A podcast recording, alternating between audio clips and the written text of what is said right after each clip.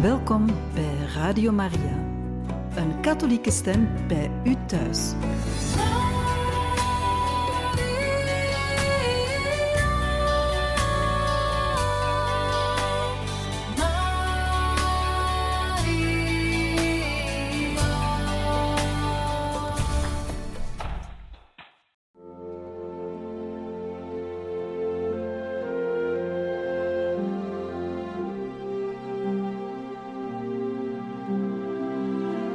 Beste luisteraars van Radio Maria, welkom bij het programma Catechismus. Een overweging bij de geloofschat van de kerk.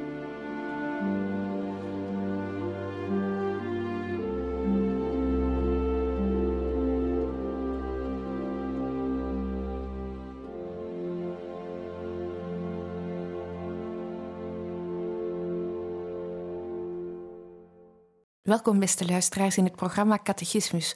Ook vandaag kan u verder luisteren naar de catechese met als titel Redenen om te geloven, gebracht door priester Michel Esparza. Beste luisteraars, in de vorige aflevering eh, zijn we ons bezig gehouden met de vraag uh, de oorsprong van het kwade. Hoe komt het dat er in de wereld zoveel kwaad is? Heeft God zoiets zo geschapen of wie is verantwoordelijk voor al dat kwaad? En we hebben gezien dat God absoluut onschuldig is. Tenzij door het feit dat hij ons geschapen heeft. Hij moest ons vrij scheppen, omdat het nodig was voor de liefde. En hij respecteert altijd onze vrijheid. Dus God wil nooit het kwade. De ziekte bijvoorbeeld. Het is moeilijker om te verstaan... Uh, uh, de gevolgen van de erfzonde, de, de, de eerste zonde van de geschiedenis, onze natuur is, uh, heeft een slechtere versie gekregen, maar ook het heelal ergens. Het is een diep mysterie. Het is precies, de schepping is, is uh, gedegradeerd. En er, er, zijn ook rampen ontstaan en, en, en, ziekten en weet ik wat allemaal. Dat was ook niet de bedoeling in het begin. Dus we hebben de, de, de mens heeft werkelijk heel wat kapot gemaakt. En nu gaan we zien wat is dan de, um, het antwoord van God daarop.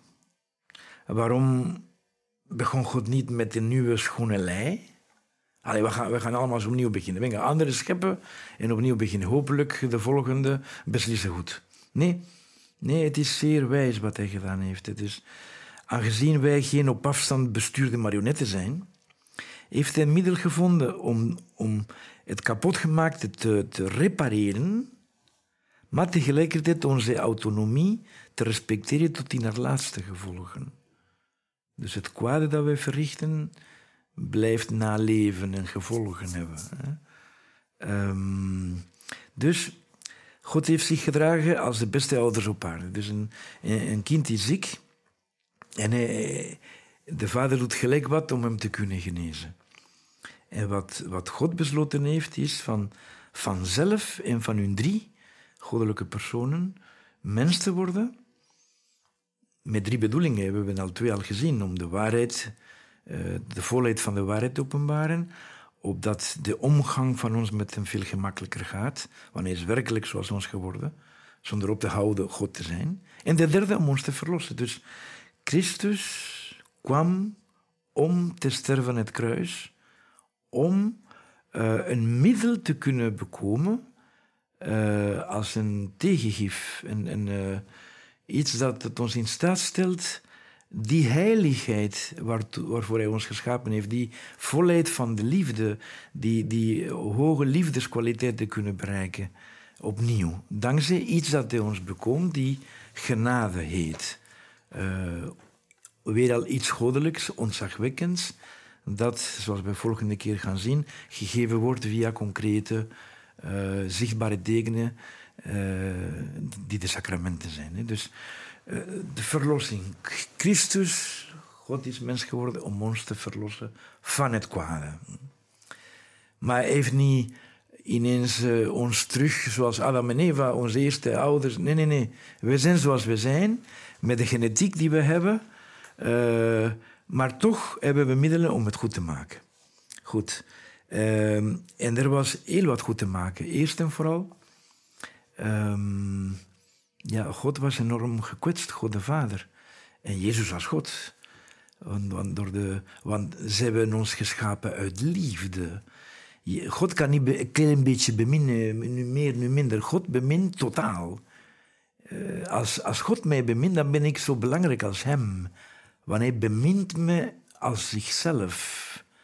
Dus als Hij werkelijk uit, uit die ontzagwekkende liefde ons geschapen heeft, dan, dan geeft Hij alles om ons. En als Hij ziet dat we onze vrijheid slecht gebruikt hebben, uh, hij die vader wou zijn van ons, al zijn er sommigen die dat niet willen zijn, en die hem zien als een, als een baas van een slaaf. Nee, hij blijft vader.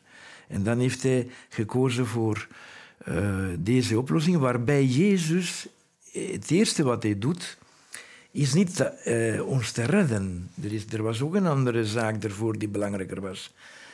Hij als mens, een van ons, draagt een grote liefdesoffer op aan zijn vader, God. Als mens is God de Vader zijn Vader. En om hem te troosten voor alle keren dat wij zijn hart gebroken hebben, zijn oneindig hart.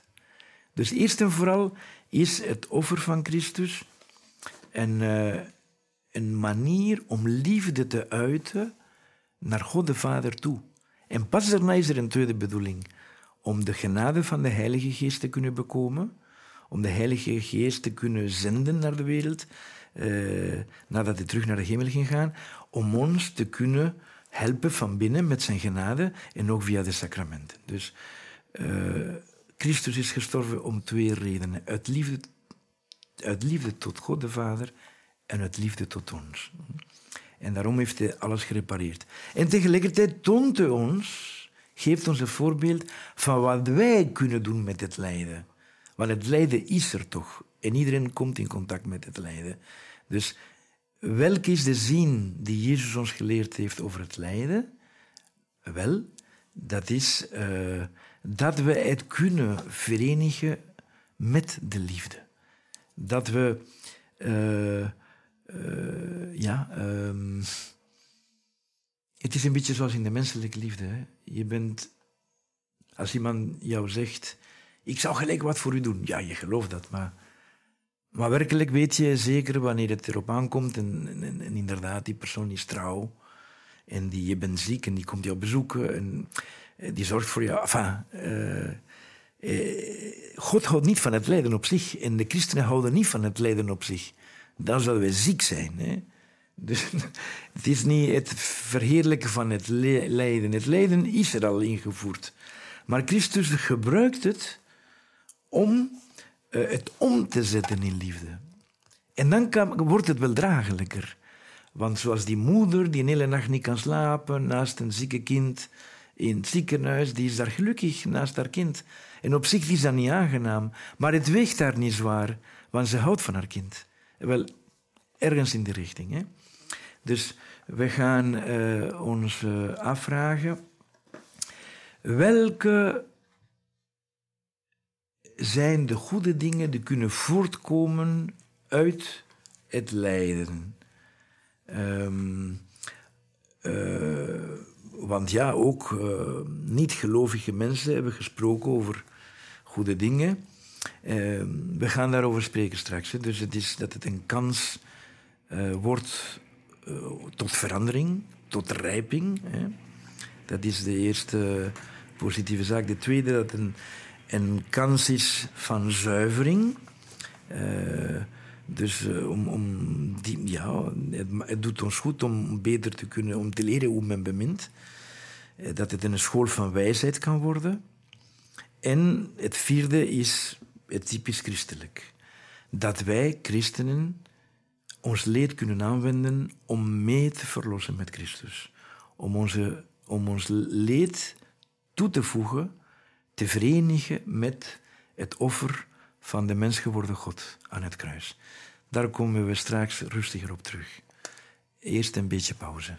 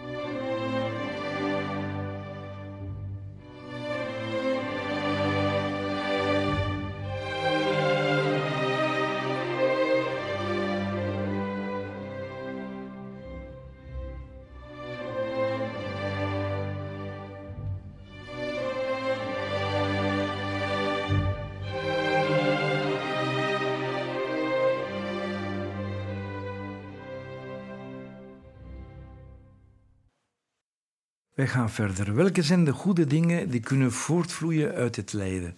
Dus als, als een van de luisteraars iemand zou zijn die op dit moment het bijzonder moeilijk heeft, uh,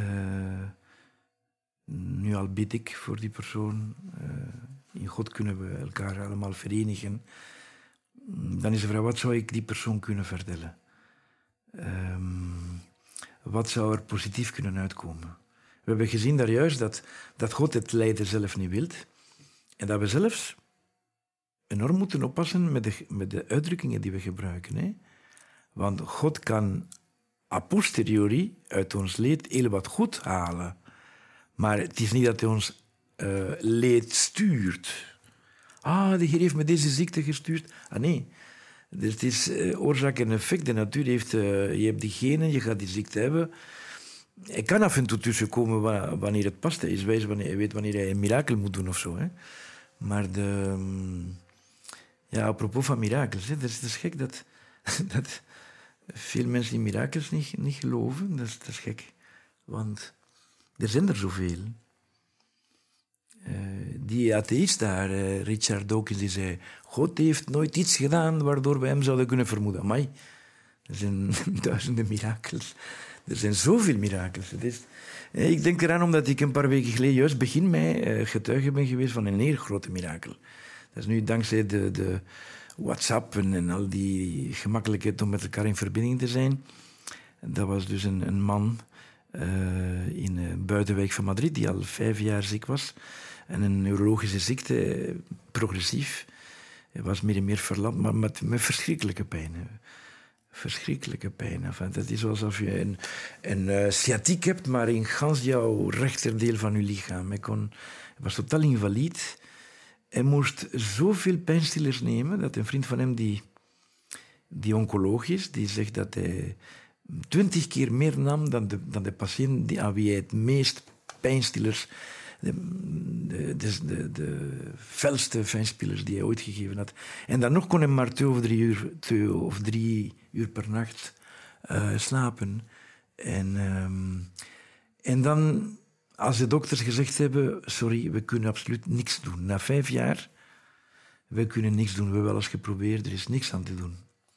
En dan heeft die man gezegd, ja, als de, de wetenschap me, niet kan helpen, laten we bidden. En dan heeft hij in zijn WhatsApp-groep aan al zijn vrienden, familieleden gezegd, um, we gaan negen dagen bidden aan een bepaalde iemand die die, uh, waarvan ik denk dat die een heilige is, die, die begraven is in mijn parochie. En de kerk heeft al erkend dat die persoon uh, is, dus op, op weg naar heiligverklaring. En wie weet wil God ons een mirakel verlenen. En ik, en, ik, we gaan hem vragen dat ik totaal herstel en plots. En dat ik terug kan, kan gaan werken en alles. Inderdaad, acht dagen daarna waren ze in de wagen met een vriend, die moesten ergens. Hij was met een rolstoel. En, uh, en dan zegt zijn vriend, ja, het is de achtste dag van die noveen. Uh, je zit nog altijd niet genezen. Ja, we hebben nog tot morgen. En dat op dat moment vertelt hij, ja, vertelt hij dat hij begon een gewaarwording te hebben in zijn die bijna verlammen was en pijnlijk. Zo'n soort uh, paresthesieën, dus een soort zo tintelingetje. De, aangenaam, dat was niet pijnlijk. En dan zeg ik, weet niet wat er aan de hand is en zo. Enfin, hij was onder de indruk. Ineens zegt hij dan, stop uw wagen. Stopt in een, in een, um, in een pompstation. En, wel, uh, en dan, een priester die ik ken, stuurde mij de video die die man die aan het besturen was, draaide van de eerste momenten dat hij totaal genezen was. En je ziet hem aan stappen. Het is, het is precies het stuk van een evangelie dat ze u vertellen. Want ze zeggen zelf, hè, dat is zoals die van het evangelie, maar ze hebben niet neergedaald met een, met een, uh, met een, uh, met een legerstede of zo. Nee? En hij is, kijk, kijk, ik kan dingen pakken met mijn rechterhand. Enfin, bon, die dingen... Uh, kijk, de, wij katholieken we zijn niet verplicht om te geloven in een of een ander mirakel maakt ons geloof niet uit. Maar wat ik raar vind, is dat er mensen zijn die volgens hun ideologie mirakels niet kunnen. En dus, ze hebben het echt moeilijk. Want telkens dat er zo'n evidentie is van een mirakel, moeten ze zeggen, ja, ooit de wetenschap zal het uitleggen, of weet ik wat. Dus, poef, dat is ongelooflijk. Bon, ik heb een beetje het is hier live en ik ben een beetje verder gegaan. Maar ik ging spreken dus over de, de goede dingen die kunnen voortvloeien uit het lijden. Als ik met iemand aan het spreken was die aan het lijden is, mm, dan zou ik zeggen, kijk, hoe vaak, om te beginnen met mezelf, heb ik ervaren dat de moeilijkste momenten van mijn leven, achteraf bekeken, ik zou bijna kunnen zeggen dat 95% van de belangrijke dingen die ik weet, geleerd heb in die moeilijke periode. Bij een depressie of bij een ziekte. Vooral de innerlijke pijnen zijn de ergste. Hè? Dus als een dierbaar overlijdt of ik, ben, ik heb me zoveel benen gebroken en, en alle soorten. Maar dat vergeet je. Ja, ik was zoiets maanden en maanden met een plaaster. En, die pijnen vergeet je. Uh, het zijn vooral crisissen uh, die, die te maken hebben met, ja, met zielepijn, laten we zeggen. Hè. Er was een, een Duitse dichter, Rilke, die een brief schreef naar iemand die, die zei dat hij onder diepe droefheden uh, uh, zat, met veel zielepijn. En dan gaf hij deze raad.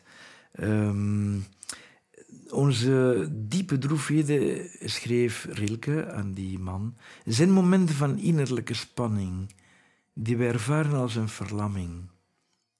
Omdat er plots ons alles wordt weggenomen wat gewoon was en ons vertrouwen gaf.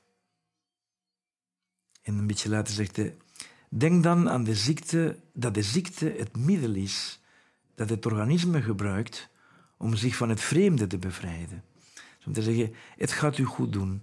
Uh, geef het een kans. Dus uh, je bent nu, je voelt je alleen, wel wees alleen, denk na. Hm? De katholieke catechismus zegt het ook, uh, hoe een ziekte een aanleiding kan zijn tot rijping. Daar wordt beweerd in de catechismus, in de ziekte ervaart de mens onmacht, beperktheid en eindigheid. Elke ziekte is de voorbode van de dood. Ziekte kan leiden tot angst, tot terugval op zichzelf, soms zelfs tot wanhoop en opstandigheid tegenover God. Ze kan iemand ook tot een grotere rijpheid brengen en helpen te onderscheiden wat in zijn leven niet wezenlijk is, om zich te keren tot datgene wat dat wel is. Heel vaak leidt ziekte ertoe God te zoeken en naar hem terug te keren. Ja, dus als men enkel uit is op pret en, enzovoort, en ineens uh, ben je verlammen, wat doe je? Uh, ofwel denk aan zelfmoord, ofwel, ofwel denk je, wat, wat voor zin heeft mijn leven? Hm? Um, ik kreeg met iemand een boek die iemand schreef die, die kanker had gehad en die, en die dus lang weg, weggegaan was van huis in het hospitaal. En dat toen, net voordat zij vernam dat ze kanker had, was enorm bezorgd omwille van een kraan die lekte. En dus als ze, terugkwam, dat ze een kanker ontdekt hadden die heel ver was, hadden haar geopereerd. En een paar maanden kwamen ze terug en dan begon ze te lachen met, kijk, mijn grote trauma een paar maanden geleden was een, een, een, een kraan die lekt. Uh, nu zie ik het wat anders. Hè. Dus de, uh, dat is een beetje wat men kan denken, louter humanistisch. Hè. Um, dat is wat de Grieken zouden zeggen. Uh, er is een liedje van een Fransman, en Goldman heet hij, Jean-Jacques Goldman. En op een bepaald moment zegt hij: On apprend tout de ses souffrances. Dus wat ik nu aan het zeggen ben, is menselijk, humanistisch, louter Um, inderdaad, dus den, het is een kans om ons innerlijk te zuiveren. Om, ja, dan is het misschien gemakkelijker om het geluk te zoeken in liefde, bijvoorbeeld. Want we, we voelen ons kwetsbaar. We, we, weten wie, wie ons echt bemint op dat moment. Het is dus ook een, mogelijk een school van wijsheid. Um, er is een roman waar iemand veel tegenslagen had. En en dat wordt van, van haar gezegd, van de protagonist. Ze zag de mensen, dus na, na al die moeilijkheden, ze zag de mensen die haar omringden in hun belachelijke kleinheid. En haar geest werd groot en sterk. En uh, in een boek van een Italiaanse Tamaro, een Italiaanse schrijfster, zegt ze, alleen het lijden doet groeien. Maar men moet de pijn direct trotseren. Wie wegliept of medelijden heeft met zichzelf, is gedoemd te verliezen. Er was een andere auteur die zei om deze positieve houding van... Allez, het is afschuwelijk, maar het is een goede kans in mijn leven. Om te weten wat echt de moeite waard is. En dan zei hij... Als het lijden ooit aan je deur klopt, sluit het niet buiten. Laat het binnenkomen. Zet de deur wijd open. Doe het neerzitten in de erezetel van de uitgelezen gast. En ga vooral niet schreeuwen of klagen, omdat je schreeuwen jou zal beletten en zijn woorden te horen. En het lijden heeft ons altijd iets te zeggen. Het lijden brengt altijd een boodschap en een openbaring met zich mee. Dus tot daar de, de menselijke wijsheid die kan voortvloeien uit, uit, het, uit het lijden. Dat is voor iemand die ongelovig is, daar kan hij een boodschap aan hebben.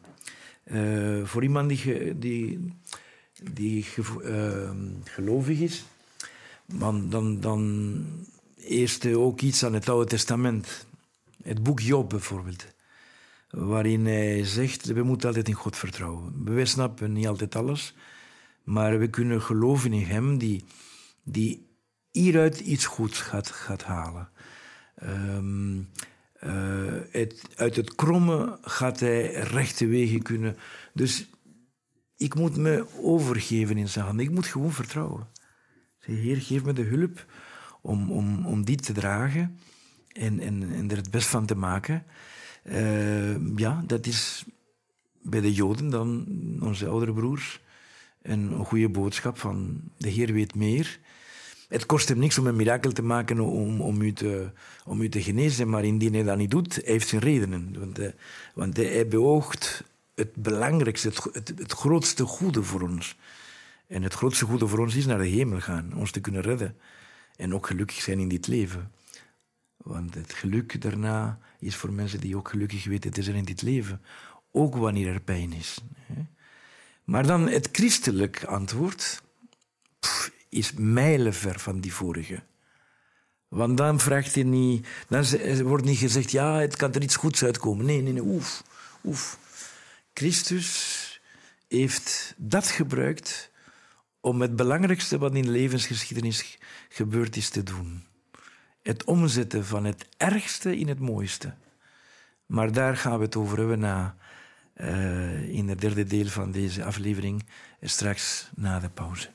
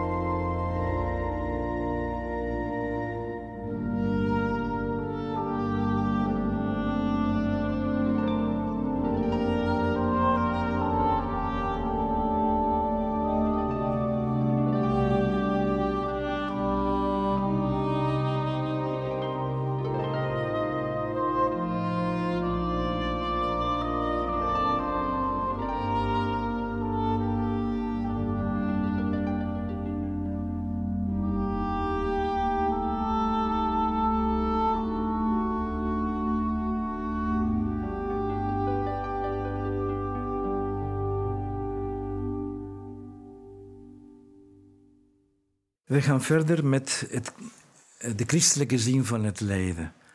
Ehm, het christelijk perspectief aanvaardt en overtreft de Griekse en de Joodse benaderingen. Hè. Dit gaat veel verder. Ehm, dat is uh, het lijden voor ons is een kans en gelegenheid om mee te verlossen met Christus. Wat betekent dat? Um, dus ja, dat heeft te maken met uh, weinig bekende realiteiten. Ten eerste zouden wij het mysterie van de verlossing moeten uitdiepen. En daarna het mysterie van de, laten we het noemen, medeverlossing of het vermogen dat we als christenen hebben om ons te verenigen, om ons leed te verenigen met het leed van Christus. Een leed dat niet alleen maar tijdens de bloedige passie was, maar een leed dat, zoals het feest die wij vandaag vieren, uh, de hoogdag van het Allerheiligste Hart van Jezus ons herinnert, een leed dat voortduurt in zijn hart. En dat enkel zal eindigen wanneer deze wereld gedaan is. Dus mm, de verlossing is een proces. Dat begon, dat begon een, witte donderdagavond met het laatste avondmaal. Dat zich voltooide in lichamelijk offer de dag daarna, Goede Vrijdag, door te sterven aan het kruis. En, uh, en dan dat proces, dat, uh, Pasmysterie heeft verschillende hoofdstukken. Kruisiging en dood, verrijzenis, eh, de hemelopstijging, um, Pinksteren daarna. Uh, en dan totdat hij wederkomt. Totdat hij wederkomt. We zijn volop bezig in dat proces, uh, totdat deze wereld eindigt. Niet door de thermische dood, alleen wanneer de Heer zal willen, dan is het gedaan. En, uh, en dan worden er geen mensen meer geboren. En, goed, wel, Christus, heb ik daar juist uitgelegd, heeft vrijwillig geleden. Hij is niet in een valstrik gevallen. Hij wist dat wat dit allemaal ging komen. Dus hij is gekomen daarvoor op aarde. Om een voorbeeld te geven en om een, om een heil te, te bewerkstelligen waarbij het negatiefste wat we in onze wereld hebben aangewend wordt voor het mooiste. Het troosten van God de Vader en het heil van de zielen. En de, de, opnieuw de mogelijkheid om tot hoge liefdesvolmaaktheid te komen. Heiligheid dus. Hem te kunnen nadoen. Hè?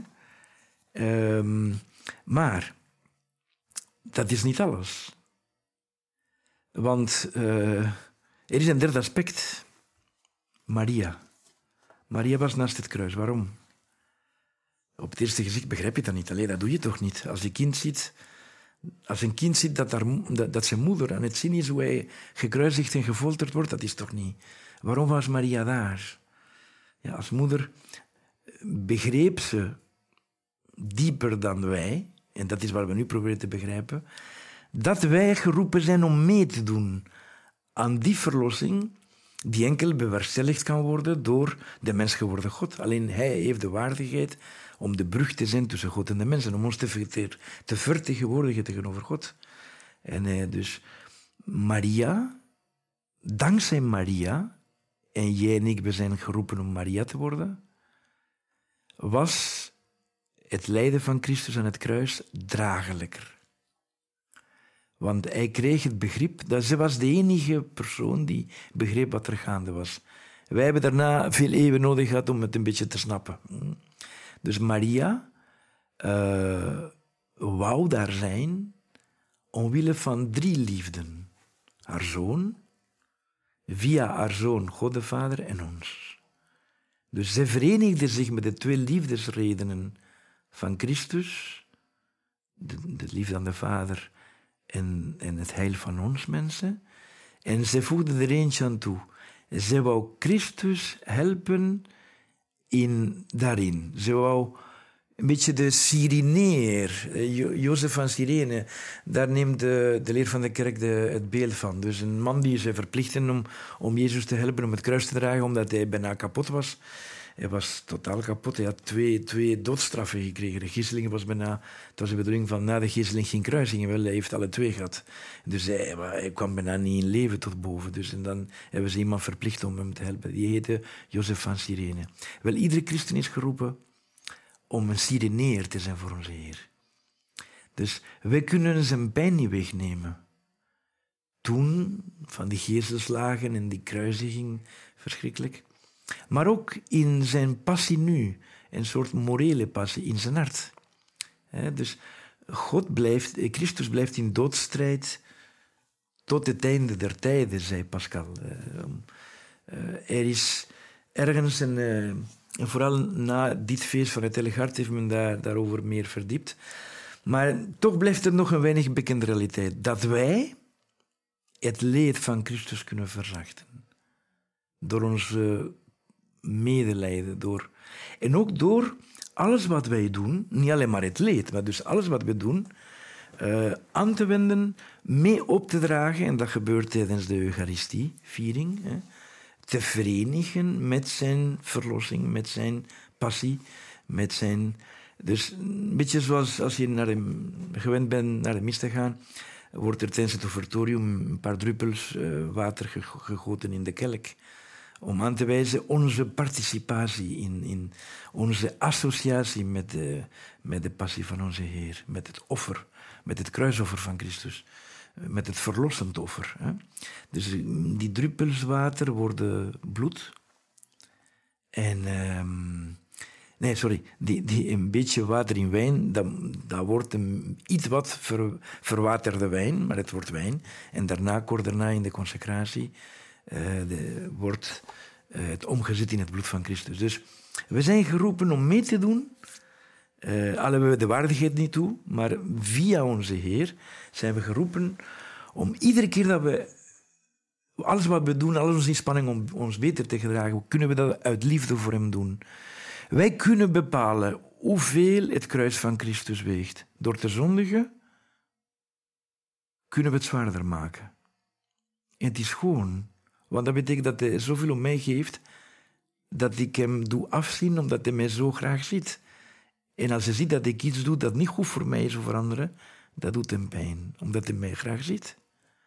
Dus we kunnen zijn kruis vergroten, het gewicht als het ware van zijn kruis, of verkleinen. We kunnen een balsem zijn voor zijn wonden. Eigenlijk kunnen we de pijn niet wegnemen. Want die pijn is afkomstig van mensen die zich niet laten beminnen, die, die hem niet aanvaarden. En dus, um, dat kunnen we niet oplossen. Tenzij dat die mensen zich laten beminnen opnieuw. Maar toch, als iemand dan het lijden is om iets, je kunt met hem zijn en iets anders vertellen en, en ook plezier doen met iets anders, je verzacht ergens. We kunnen een balsem zijn voor die, voor die pijn van het hart van Jezus. Dus dat is eh, de diepste betekenis. Mm, en dan zie je bij heilige mensen dat ze heel ver gaan daarin, hè? tot dwaaswordens toe. Het is niet alleen maar het lijden aanvaarden, maar je hebt er zelfs mensen die, ja, die werkelijk het lijden kunnen beminnen. Niet op zich, maar als middel om een dierbare persoon die onze Heer Jezus Christus is, uh, geluk bij te brengen. Verzachting. Hm? Het is eigenlijk niet zo moeilijk om te verstaan. Ik, mijn oude broer is journalist en die had een heel moeilijke opstaan. En eens waren we aan het eten, heeft vier kinderen. Nu zijn ze al wat ouder, maar toen waren ze allemaal tussen vier en, twaalf jaar of zo. En um, ineens waren we aan het spreken uh, aan tafel en, uh, en hij was aan het spreken over wat hij niet zou doen voor zijn kinderen. En, en dan zei moest ik ooit... Uh, kind, mijn kind horen wenen s'nachts, dan zou het voor mij een grote offer van niet op te staan om, om, om, om dat verdriet te kunnen, te kunnen wegnemen aan dat kind. Hè. En ik zei tegen hem, hé, midden in de nacht opstaan? En het zou een groter offer van het niet te doen. Allee, amai, je hebt me nu de oplossing gegeven voor, uh, voor wat betekent liefde en leed. Je ziet de kinderen zo graag dat jij die het zo moeilijk hebt om op te staan s morgens, uh, dat je zo ineens zou opstaan zo graag. Dus je kunt het lijden beminnen. Niet op zich, maar omwille van wat het betekent voor de beminde persoon. Als we heel veel van onze Heer houden, dan, dan doen we dat heel graag voor Hem. En als er leed is dan, is, dan zijn we niet alleen maar blij omdat we daar iets kunnen van leren, maar dat leed kan in liefde omgezet worden tot onze verlosser. Oh, arme, de enige die geen schuld, geen schuld heeft, geen zonde bedreven heeft, is volmaakt. En toch draagt hij al onze lasten. Bon. Dus, en dan is er nog mensen die, die nog ja, tot dwarswordens toe. Niet alleen maar aanvaarden ze en, en beminnen ze het liefde, maar ze verlangen daarnaar. En ze zijn niet gek, ze zijn niet ma masochistisch. Hè? En, en daarom, we zouden kunnen afsluiten met het feest van vandaag. Want vandaag is het, uh, dus uh, hier is het uh, eh, 16 juni 2023. En ik zei daar in een van de vorige afleveringen dat, dat het me opgevallen was vanmorgen ik ben gaan zoeken naar de woorden die Jezus zei aan, aan die Franse heilige. En ik zag dat het datum was 16 juni 1675. Dus nu 348 jaar geleden. Maar het was opvallend dat het ook 16 juni was. Want je weet, als wij de feesten vieren, dan zijn er sommige feesten op een bepaalde dag. Maar anderen die verschuiven ieder jaar.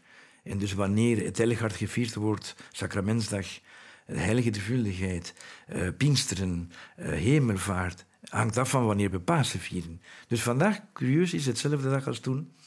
En wat onze Heer tegen, tegen de heilige Margarete Maria de la Coque, daar in Paris-le-Monial in Frankrijk, in ze was visitandin, een religieuze daar.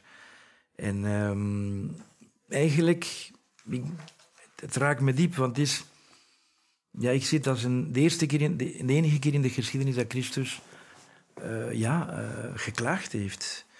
Want dat doet hij wel in zijn persoonlijke omgang met concrete mensen. Maar dat wou hij doen openbaar. Hij vroeg aan die heiligen dat alle katholieken het moesten weten. Dat we altijd bezig zijn met, uh, ah, geweldig dat de Heer mij zo graag ziet en zo. Maar uh, ja, dat we een beetje egoïstisch zijn, want we, gaan ervan uit dat bij hem alles oké is. Hè? En we beseffen niet dat uh, het feit van ons te beminnen zoals hij ons bemint, heel wat gevolgen voor hem heeft. Want lief wil zich kwetsbaar opstellen. En ook dankbaar. En, en, en dan, ja, uh, dan zei ik, kijk, ik heb alles gedaan voor jullie en in ruil daarvoor ontvang ik niet anders dan ondank, uh, beledigingen. En zelfs word ik beledigd daar waar ik het meest in bemin. Want ik ben kwetsbaar, eh, vooral daar waar ik het meest bemin. En waar ik het meest bemin is in de Eucharistie.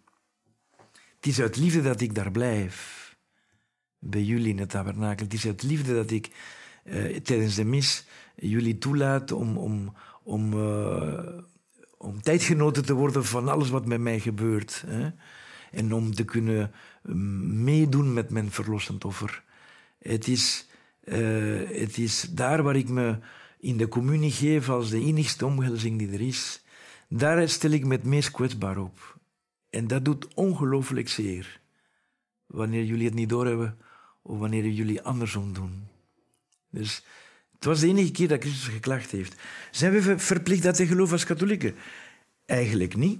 We weten wel dat, dat alles wat daar gezegd heeft, strookt met de leer van de kerk.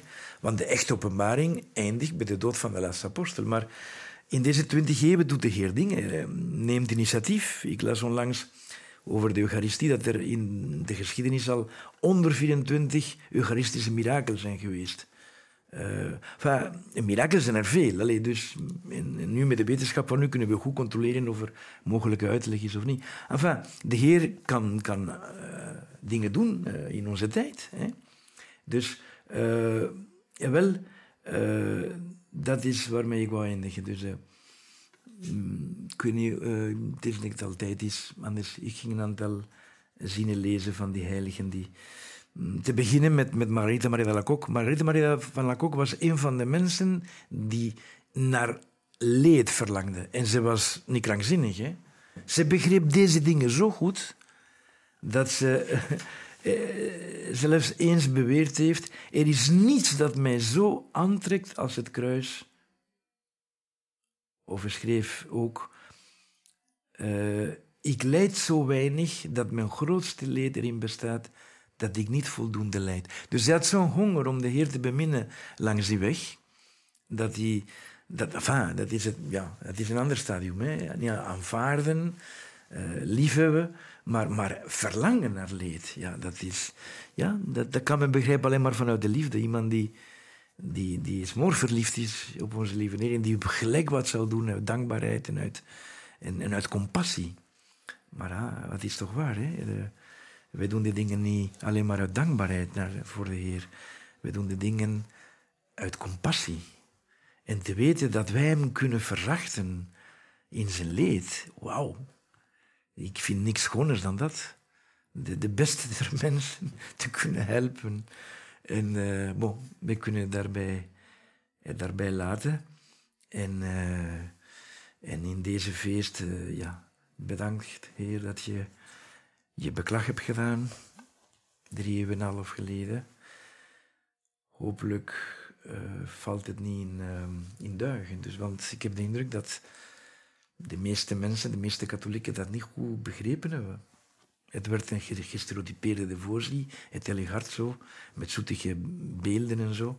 Maar het ging hierover, dat de Heer jou zegt, hey, spreek niet alleen maar over jou, praat me ook over mij. Wij, zijn toch vrienden, wij zijn toch broers uh, interesseer, je ook aan mij? Enfin. Uh, ik doe zo graag alles voor u, maar het moet van de twee kanten komen. Anders komen we niet tot liefdesvereniging. Oké. Ik vraag bijzonder hulp bij Maria, die de specialist is in het zich verenigen met het kruis van Jezus. En tot volgende keer bij de vijfde aflevering.